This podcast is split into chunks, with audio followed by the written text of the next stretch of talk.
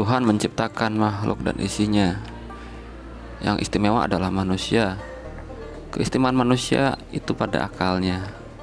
Kebahagiaan adalah hak kem, adalah hak kemerdekaan.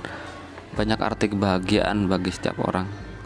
Tetap memegang bersyukur, ikhlas dan sabar. Kebenaran manusia itu relatif, kebenaran Tuhan itu mutlak. Hidup cuma sekali, jadikan hidup memiliki fungsi dan arti dan bermanfaat kepada orang lain. Keyakinan saja tidak cukup tanpa ilmu, ilmu saja tidak cukup tanpa keyakinan. Keyakinan dan ilmu akan sempurna dengan diamalkan.